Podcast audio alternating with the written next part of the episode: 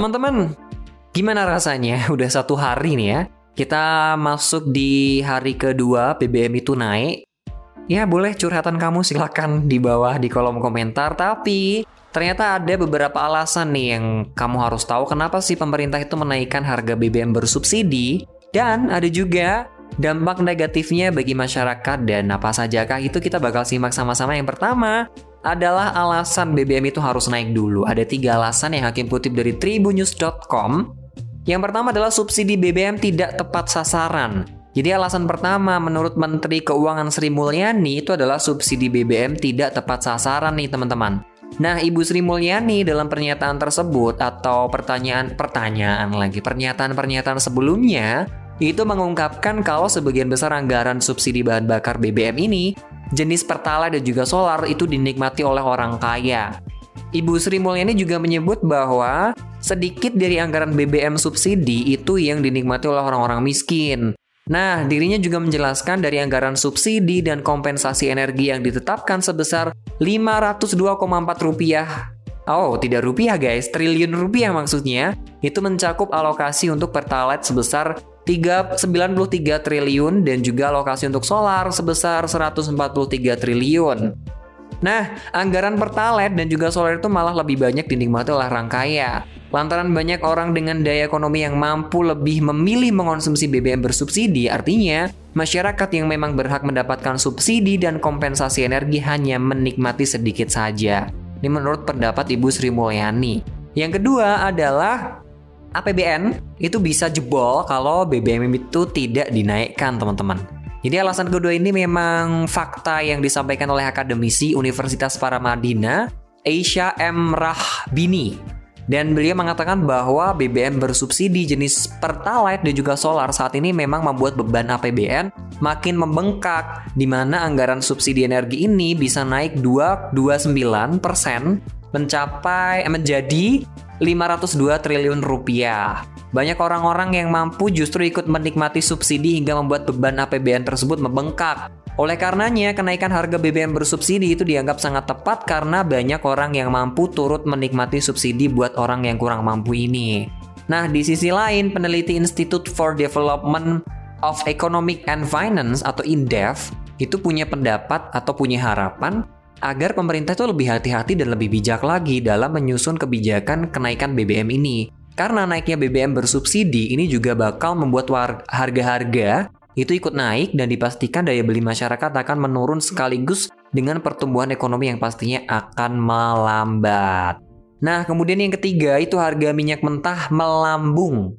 Alasan yang ketiga ini disampaikan oleh Ibu Sri Mulyani kenapa sih BBM itu harus naik karena harga minyak mentah itu melambung dan di tengah badai ketidakpastian global, APBN terus bekerja keras sebagai shock absorber untuk melindungi daya beli masyarakat dan juga ekonomi nasional dari guncangan yang terjadi. Konsekuensinya nih teman-teman, anggaran subsidi dan kompensasi itu telah dinaikkan tiga kali lipat dari sebelumnya yang tadi Hakim bilang 502,4 triliun rupiah yang melalui Perpres 98/2022. Subsidi itu dinaikkan dengan harapan agar daya beli masyarakat dapat dijaga serta tren pemulihan ekonomi itu tetap berlanjut dan juga semakin menguat. Sementara itu, ini ada mencermati perkembangan terkini juga diperkirakan harga minyak mentah masih terus naik dan akan mencapai 105 US dollar per barel pada akhir tahun 2022 ini. Kemudian, harga itu lebih tinggi daripada asumsi makro pada Perpres 98/2022 yang tadi Hakim bilang yaitu 100 US dollar per barel. Nah, nilai tukar US dollar per barel barel ini ya terhadap rupiah itu berada di angka 14.700 atau lebih tinggi dari asumsi sebesar 14.450 rupiah. Nah, ini adalah alasan kenapa BBM itu harus naik. Tapi ada juga nih ya, dampak negatif yang perlu kamu tahu kalau BBM itu naik kayak kemarin. Jadi yang pertama kenaikan BBM naik itu bisa memicu inflasi.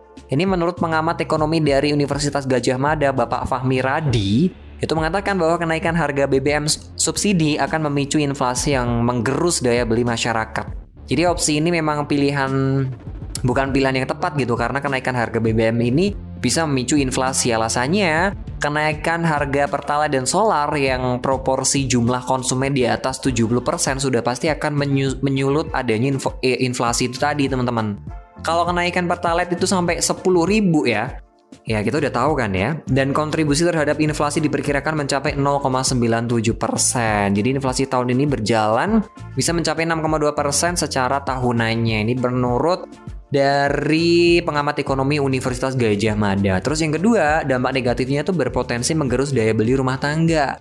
Peneliti dari Institute for Development of Economic and Finance, Indef Nailul Huda, itu menyebutkan kalau kenaikan harga BBM juga berpotensi menggerus daya beli rumah tangga. Karena kata beliau, BBM itu merupakan salah satu komoditas primer masyarakat dan dengan demikian, kenaikan harga BBM pada akhirnya akan mengganggu perekonomian nasional. Yang ketiga itu berdampak pada kehidupan nelayan. Wow, ternyata nelayan juga berdampak nih teman-teman. Sementara dari anggota Komisi 4 DPR RI Andi Akmal Pasludin itu meminta pemerintah tidak menaikkan harga BBM terutama untuk jenis solar nah, solar subsidi ya. Dan ini dikarenakan berdampak terhadap kehidupan nelayan dan beliau berujar kalau saat ini perekonomian rumah tangga rakyat Indonesia belum sepenuhnya pulih. Nah, menurutnya hingga kini semakin banyak nelayan yang tidak melaut, terutama nelayan kecil karena mahalnya harga bahan bakar minyak yang mereka pakai buat berlayar. Nah, itu tadi teman-teman ada pro dan kontra kenaikan BBM dari para tokoh-tokoh ya kan ya. Ini kita bisa menilai sendiri. Silahkan aku pengen dengerin curhatan kamu di kolom komentar barangkali bisa jadi segmen baru buat kita di Tribun News Style berikutnya. Thank you banget teman-teman. Kita doain semoga negara kita ini tetap maju dan juga aman-aman aja. Thank you dan sampai jumpa di lain kesempatan.